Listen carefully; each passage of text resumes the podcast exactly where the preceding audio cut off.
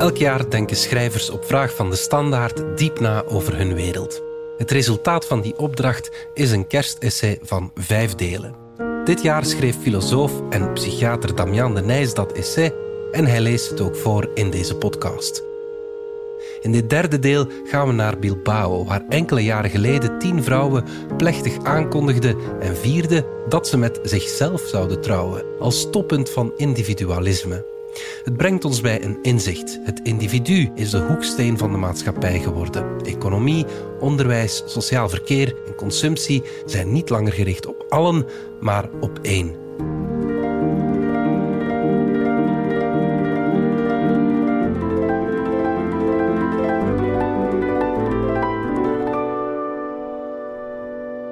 Deel 3. Autonomie en samenleving. Samenlevingen evolueren in stadia, waarbij de idealen en normen van een oude orde als sleetse huid worden ingeruild voor een nieuwe orde. Sociale veranderprocessen kunnen brusk verlopen, door oorlogen en revoluties, of geleidelijk, door industrialisatie en religieuze ontvoogding.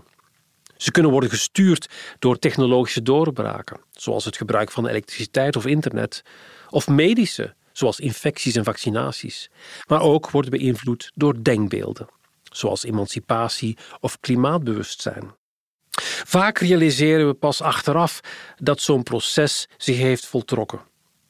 Beetje bij beetje druppelen sociale correcties door die ongemerkt worden vertaald in gedragsaanpassingen en op hun beurt intermenselijke relaties beïnvloeden om stilzwijgend een cultuuromslag te voltrekken. Beetje bij beetje worden kleine variaties aangebracht in bestaande wereldbeelden tot een globale verandering in perceptie en houding plaatsvindt op het niveau van grote massa's. En plots voelen we dat de wereld anders is geworden, zoals in de lente plots alle planten bloeien die ongemerkt in de winter tot wasdom kwamen. Sociale processen zijn het gevolg van gezamenlijke acties van de individuele mens. De mens bepaalt de ontwikkeling van de samenleving en omgekeerd bepaalt de samenleving de ontwikkeling van de mens. Ieder voor zich draagt op zijn of haar manier actief bij aan het creëren van de maatschappij, waarin hij of zij tegelijkertijd ook passief is aan onderworpen. Door de versterkende wederkerigheid kan de causaliteit van een ontwikkelmoment moeilijk worden vastgesteld. Verandert de samenleving door het individu of verandert het individu door de samenleving? Al decennia is het vervullen van het verlangen naar individuele autonomie een belangrijke drijfveer voor maatschappelijke ontwikkelingen. En hoe heeft dat verlangen de westerse samenleving gevormd? En omgekeerd, hoe waarborgt de westerse samenleving de individuele autonomie van de burger?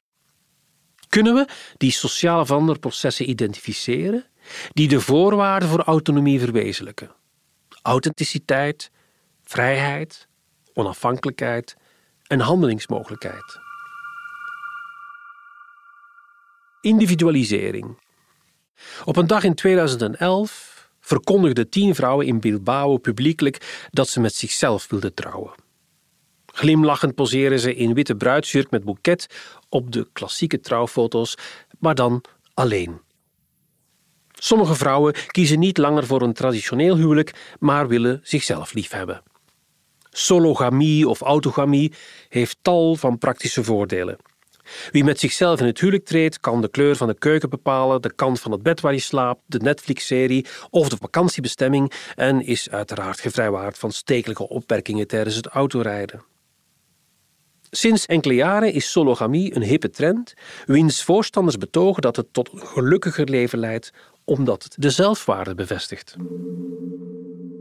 Sologamie is niet alleen een ludieke en rebelse daad. Ze past in een sociale verandering die het individu centraal stelt in onze samenleving. Individualisme bemoedigt het idee van persoonlijke verwerkelijking en onafhankelijkheid, waardoor de belangen van het individu voorrang krijgen op de gemeenschap. Individualisering is geen kenmerk van het individu, maar van de samenleving. Het is de maatschappij die individualiseert, ten nadele van het collectief en ten voordele van de persoon. Het individu wordt niet langer gezien als een onderdeel van een groter geheel, zoals een gezin, familie, clan of gemeenschap, maar als een op zichzelf staand wezen. En door die gestage individualisering is het individu de hoeksteen van onze maatschappij geworden. Economie, onderwijs, sociaal verkeer en consumptie zijn niet langer ingericht op allen, maar op één. Individualisme is zo gemeengoed geworden dat collectief denken en handelen ons vreemd aanvoelt. We kijken met afgrijzen naar de publieke toiletten in de ruïnes van Pompeii, waar de Romeinen met twintig gezamenlijk scheten. We begrijpen de Arabische familie-eer niet of de Japanse schaamte voor de gemeenschap. We vinden het tegenwoordig zelfs verdacht als een oudere man een groep jonge kinderen begeleidt. Individualisering is nogthans zichtbaar in het straatbeeld. De hele dag zie je hippe mensen in de stad of op stations rondrennen met kartonnen koffiebekers waarop in zwarte stift hun naam staat geschreven en hun voorkeurskoffie aangevinkt. Geïsoleerd van de buitenwereld staren ze naar het beeldscherm van hun telefoon of luisteren ze in hun gemodelleerde oortjes naar hun gepersonifieerde lijst muziek of podcasts. Wanneer ze een zeldzame keer worden aangesproken door een voorbijganger die de weg kwijt is en het zonder smartphone op de klassieke manier wil oplossen, ontwaken ze brusk verward uit hun private droom en antwoorden stevast in geglobaliseerd Engels. Soms praten ze in zichzelf alsof ze aan mentale klachten lijden en gesticuleren onduidelijke gebaren, maar doorgaans zijn ze ongevaarlijk. In het Westen ontplooit individualisering zich door consumptie. We verwerkelijken onze individualiteit door de aanschaf van producten. Hoewel mensen worden gezien als rationele consumenten die afwegen welke goederen ze kopen op basis van een functie en wat ze zich financieel kunnen veroorloven, behoort individualisme inmiddels tot de waarde van het product. De personificatie van goederen begon met de personal computer en ontwikkelde zich via de selfie tot YouTube, Facebook, MySpace. Bijna elk Apple-product draagt het i-label iPod, iPhone, iBook, iWatch, iMac om het ik tot uitdrukking te brengen. Niet het product, maar de uniciteit van het product is een keurmerk geworden. En producenten spelen gretig in op ons verlangen naar authenticiteit. Hoeveel beter smaakt de afvalpizza als de fabrikant mij voorhoudt dat die speciaal voor mij is gemaakt, met olijven uit Toscane speciaal voor mij geplukt, gebrand met kreupelhout speciaal voor mij door een oud vrouwtje gesprokkeld en gebakken in een stenen oven speciaal voor mij nagebouwd op basis van Etruskische tekeningen. De hele industrie omarmt customizing. Tegenwoordig kan alles worden gecustomized. Van meubilair, juwelen, flipflops, motoren, auto's, lunchboxes, lederhozen, eco-vriendelijke yogamatten, wijn, onderbroeken, kookboeken, vitamines, shampoos, whiskies, lippenstift tot dildo's. Alles kan mijn naam dragen. Een van de succesvolste campagnes van Coca-Cola was het Share a Coke-initiatief uit 2014, waarbij het logo op blikjes en flesjes werd verwisseld door populaire voornamen. Voor een paar euro's extra koop je momenteel in luchthavens Toblerone chocoladerepen voorzien van je eigen gouden naam.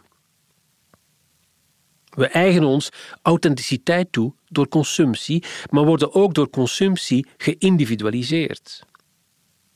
Reclame verleidt ons met de illusie van zelfverwerkelijking. Je bent uniek, waarom uw reizen dan niet? Reisbureau. L'Oreal, because I'm worth it. Have it your way, zegt Burger King. As individual as you, configure your X-bus. It is, are you, schrijft The Independent. And it's everywhere you want to be, zegt Visa. Globalisering. Onze vrijheid heeft zich geëffectueerd door globalisering. Het individu kan alleen autonoom zijn in een grenzeloze wereld, in een universum wanneer hij niet wordt belemmerd. Om mijn individuele vrijheid te ontplooien, moet het mogelijk zijn om op olifantenjacht te gaan in Namibië, de Mount Everest te beklimmen, haaien te spotten in Zuid-Afrika, ayahuasca-rituelen te ondergaan in Peru, een wetenschappelijke cruise te boeken naar de Zuidpool, rugby te spelen met beluga's in Groenland, huskies te aaien in Canada of bomen te betasten in Japan om helemaal zen te worden. Mijn individuele vrijheid mag niet worden begrensd door staten, ongerepte natuurtradities of inboorlingen. Want hoe exclusiever de plek, des te unieker is mijn beleving. En desnoods slender ik op jacht naar exclusiviteit met gevaar voor eigen leven ongehinderd door het nucleaire Tsjernobyl. Globalisering betekent dat de wereld mijn leefomgeving is geworden en niet mijn dorp, stad of land. Globalisering is de toenemende omvang en verscheidenheid van grensoverschrijdende transacties in goederen en diensten en van internationale kapitaalstromen. Ik kan alles over de hele wereld kopen en met een beetje geluk staat het binnen drie dagen in een kartonnen doosje voor mijn deur. Door globalisering ontstaat een mondiale monocultuur, omdat de nieuws en ideeën via handel, reis en media zich razendsnel over de wereld verspreiden. Coca-Cola, Adidas, Nike, McDonald's, Apple, ze dienen als gemeenschappelijke referentie voor consumenten over de hele wereld. En dat consumentenkapitalisme komt tot zijn apotheose door het massatoerisme, waarbij de vakantieganger zijnzelfde cola, zijnzelfde Big Mac, zijnzelfde Twix, zijnzelfde Nespresso consumeert als thuis, maar op een andere locatie. Individualisering gaat hand in hand met globalisering. Ze zijn een onderlinge randvoorwaarde, want zonder individualisering zou globalisering niet mogelijk zijn en zonder globalisering zou individualisering niets betekenen. De wereld kan dan pas globaliseren als absoluut vrij verkeer van diensten, goederen en personen mogelijk is. En dat kan het snelst worden gerealiseerd als de uitwisselbare entiteiten vrije, beweegbare individuen zijn die niet worden gehinderd door politieke ideologieën, religieuze voorkeuren of nationale belangen. De wereld werd geglobaliseerd door prestaties van individuen. Als Bill Gates, Steve Jobs, Elon Musk, Mark Zuckerberg, Jake May, Giorgio Armani, Gianni Versace en Mario Prada. De expansie van het vrije individuele verkeer via handel en reizen van de afgelopen 50 jaar bracht meer globalisering dan 500 jaar kolonisatie. En met de handel van producten werd ook het individualisme een wereldwijd fenomeen. Een analyse uit Psychological Science in 78 landen over de afgelopen 50 jaar toont dat in meer dan de helft van die landen individualistische waarden zijn gestegen. Sinds 1960 is het individualisme als waarde en individualisering als praktijk wereldwijd met 12% toegenomen. Technologisering. Terwille van autonomie hebben we ons met techniek verzekerd van onafhankelijkheid. Techniek verbetert de omgeving waarin we leven. Zo voorziet ons van licht in het donker, razendsnel transport, gezondheid en gemak, maar ze voorziet ons bovenal van controle. Ik kan met buienradar de hoeveelheid regen precies in millimeter voorspellen. Ik ken van het Parijse restaurant lang vooraf alle prijzen, reviews, sterren en de details van hun blanquette de veau en middelmatige rode wijn. Ik weet dat ik vandaag 9456 stappen heb gezet. 476 kilocalorieën verbruik. En nog 32 minuten moet trainen, 8 minuten moet mediteren en 63 berichten moet lezen. De technologische explosie van afgelopen decennia stuurt dagelijks ons leven. Familie, werk en vrije tijdsbesteding. In die mate dat vrijwel geen enkel onderdeel van het menselijk bestaan nog vrij is van technologische invloed. Een wereld zonder elektriciteit, auto's, vliegtuigen of internet is nauwelijks nog voor te stellen. Globalisering is onmogelijk zonder technologisering. De revolutionaire veranderingen in transport en communicatie realiseren in een mum van tijd het gevoel van een global village. In 1850 duurde het een jaar om de wereld rond te reizen en nu één dag. Binnen enkele seconden kan ik via internet iedereen over de hele wereld bereiken. En samen met anderhalf miljard kijkers woon ik de Amerikaanse Super Bowl digitaal bij. En zalm, woensdag gevist in Noorwegen, wordt donderdag geserveerd in een sushi-restaurant in Japan. Technologisering is onmogelijk zonder individualisering. Ook hier is de wisselwerking wederzijds versterkend.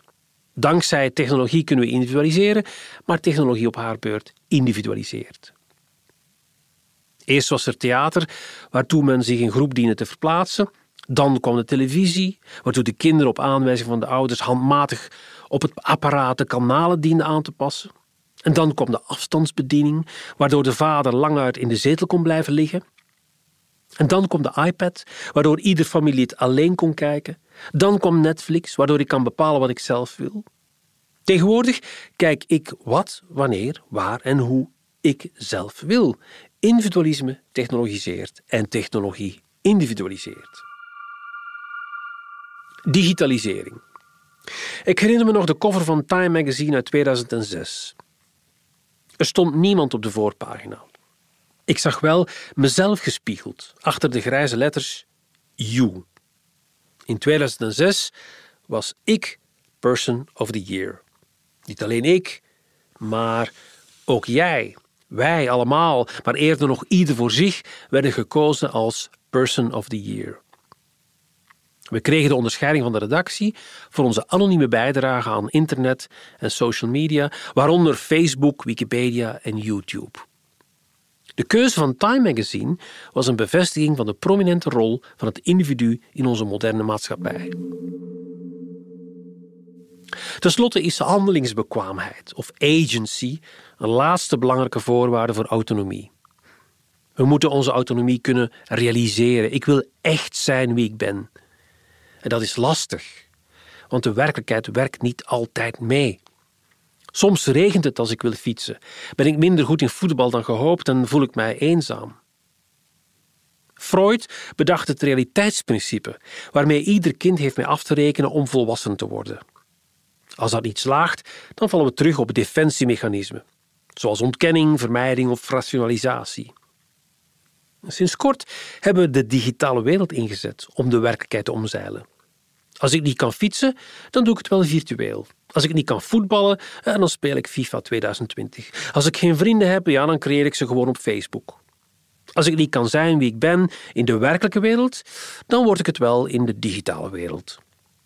Sociale veranderprocessen garanderen ons authenticiteit met individualisering, vrijheid met globalisering, onafhankelijkheid met technologisering en handelingsmogelijkheid met digitalisering.